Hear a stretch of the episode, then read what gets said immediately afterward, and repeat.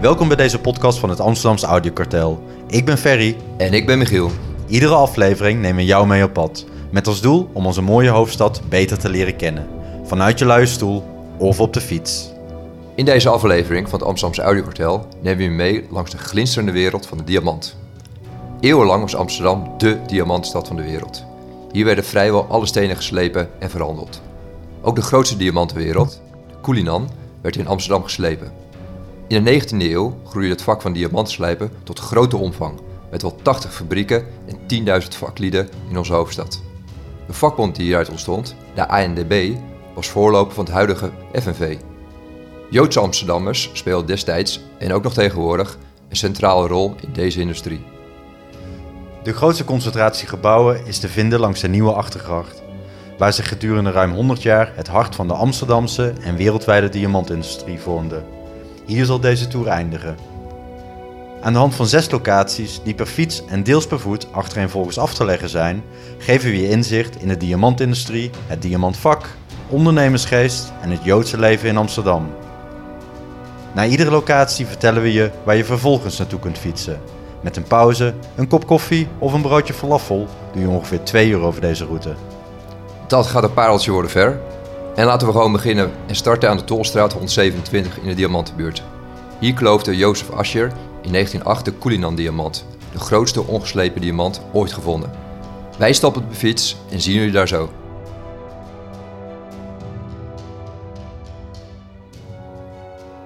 Wij zijn aangekomen aan de Tolstraat 127, aan het einde van de Diamantstraat.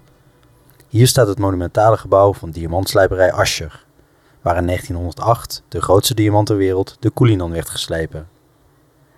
De Koolinan was een 3106 karaats diamant en is daarmee de grootste ooit gevonden diamant. Ja, want de Cullinan ruw gevonden. Toen hij ruw werd gevonden, toen was hij zo groot als een flinke mannenvuist.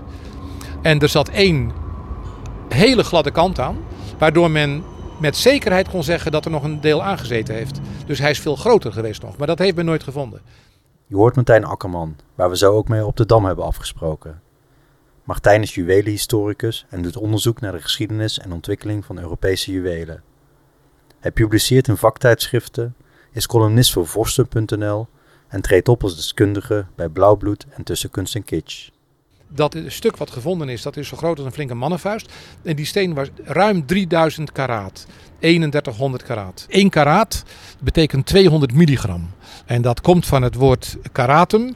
Uh, er is in uh, rond de Middellandse Zee groeit een boom, de Johannesbroodboom. En die boom die heeft peulen. En in die peulen zitten pitjes. En die pitjes wegen allemaal precies 200 milligram. En vanaf de oudheid heeft men dat pitje gebruikt als gewicht voor diamanten, parels en andere stenen.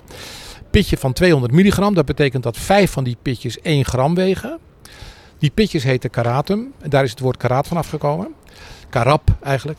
Dat betekent dus dat een steen van 1 karaat 200 milligram weegt. De meer dan 3000 karaat, ofwel 600 gram wegende Koolinan, is hier door Ascher in opdracht van het Engelse Koningshuis gesplitst. En die hebben hem gesplitst in 9 grote diamanten en 96 kleine. En die 96 kleine zijn oorspronkelijk bedoeld geweest als betaling door de koning aan Asje. Dus de, Asje mocht die houden. Maar later heeft de koninklijke familie daar weer een aantal van teruggekocht. En die zijn gezet in kleine juwelen. dan 1, een druppelvorm, zit in de scepter van Engeland. De kussenvorm, de 2, zit in de staatskroon, in de keizerlijke kroon. De 3 en de 4 hangen met elkaar een kussenvorm en een druppel aan een broche. Die worden in de familie ook wel Granny's chips genoemd. Uh, omdat de grootmoeder van de huidige koningin de eerste was die ze droeg. Dan heb je nog de, de vijf, die zit in een hartvorm. Die is gedragen door de Engelse koningin met het huwelijk van Eugenie, haar kleindochter. En dan heb je nog de zes en de zeven, die zijn brosjes. En je hebt de acht, is ook een brosje. En de negen is een druppelvorm in een ring. Het verhaal gaat dat Jozef Ascher flauw is gevallen toen hij de Koolinan ging splitsen. Hij moest natuurlijk een klap geven en dan moest die steen in tweeën breken. En ze hebben hem eerst wekenlang bestudeerd. Je hebt precies uitgekeken, een vlakje geslepen, wat zit erin. Er zat middenin dus een zwart pitje. Dus dat moest eruit. Een insluitsel, een onzuiverheid. Ja, geef dan maar eens een klap op zo'n steen. Er is natuurlijk een risico van heb ik jou daar. Een aantal van de Koolinans is slechts een beperkt aantal keer door de Engelse koningin gedragen. Die, die 1 en 2 zitten in de scepter en de kroon. Nou, die kroon draagt ze met de opening van het parlement, dus die zien we één keer per jaar verschijnen. Die scepter wordt met de kroning gedragen. Dus die zien we binnenkort als koning Charles koning wordt. Dan zien we dus eventueel die, die scepter, die nu in de Tower of London ligt, tentoongesteld. Maar die drie en die vier, die Granny's Chips, die heeft ze gewoon in de kluis in het paleis. En die draagt ze bij hele grote uitzonderingen. In 1953 is ze op staatsbezoek geweest in Nederland. En toen heeft ze hem opgehad toen ze Ascher bezocht. Daar zijn hele mooie foto's van. Dan zie je dat ze hem op heeft. Dat heeft ze dus speciaal gedaan omdat ze daar naartoe ging. Ze bracht daar een bezoek met Juliana. En toen heeft ze hem ook afgedaan. En toen heeft ze hem ook aan Ascher in. Ascher was toen, leefde nog. Die was toen blind. Ondertussen heel oud. En die, ze heeft hem afgedaan en ze heeft hem in zijn handen gegeven. Hij mocht hem voelen, de stenen die hij zelf geslepen heeft. Ze heeft hem gedragen met haar diamanten jubileum een paar jaar geleden. Toen had ze hem op. Met die boottocht door de Thames. Ze heeft hem gedragen vorig jaar met het interview dat ze gaf voor de televisie over de kroonjuwelen in Engeland. En ze had ze op met het staatsbezoek van Nederland. Dus dat is maar een vier, vijf keer geweest dat ze hem gedragen heeft. En toen zei iedereen, wat is nou de waarde van die broche? Heb je het alleen maar over de drie en de vier? Ja, dan noemt men een bedrag van 60 miljard euro. Maar ja, ik bedoel, hoe kom je aan zo'n bedrag? Je kunt het niet vergelijken. Veel diamantslijpers woonden vroeger in de diamantbuurt. Hoe kwamen zij hier terecht? Ja, dat heeft een directe relatie met de komst van migranten naar Amsterdam. Nadat onder andere Antwerpen werd ingenomen door de Spanjaarden. Dus we hebben het dan over eind 16e, begin 17e eeuw. Nederland is nog in oorlog met Spanje. En Spanje krijgt de zuidelijke Nederlanden weer onder controle. En dan krijg je een hele stroom van vluchtelingen die naar het noorden gaan. En onder die vluchtelingen zijn veel protestanten, maar ook conversos. En dat zijn tot het christendom bekeerde Joden, onder dwang bekeerd, die uit het Iberisch Schiereiland komen, uit Spanje en Portugal. Aan het woord is Daniel Metz. Daniel is cultuurhistoricus en was betrokken bij de inrichting van de expositie Amsterdam Diamantstad in het Joods Historisch Museum. Dat zijn gedeeltelijk bemiddelde families die heel sterk verweven zijn met de handelsnetwerken van de Portugezen. En contacten hebben zowel met Lissabon, maar ook verder weg. Ze hebben handelsposten tot in India aan toe. En zij weten dus over hele grote afstand eh, luxe producten, waar men op dat moment behoefte aan heeft in bepaalde kringen, naar Amsterdam te halen.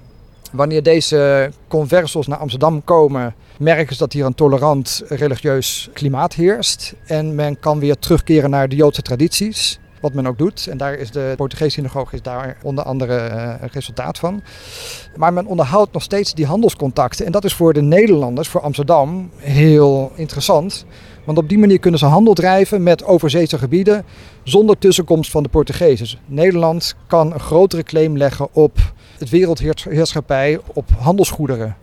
En een van de producten die men meenam waren de diamanten. En die diamanten die worden aangevoerd vanuit India. Dat is de oorspronkelijke vindplaats van diamant. Later komt Borneo, Brazilië is weer wat later.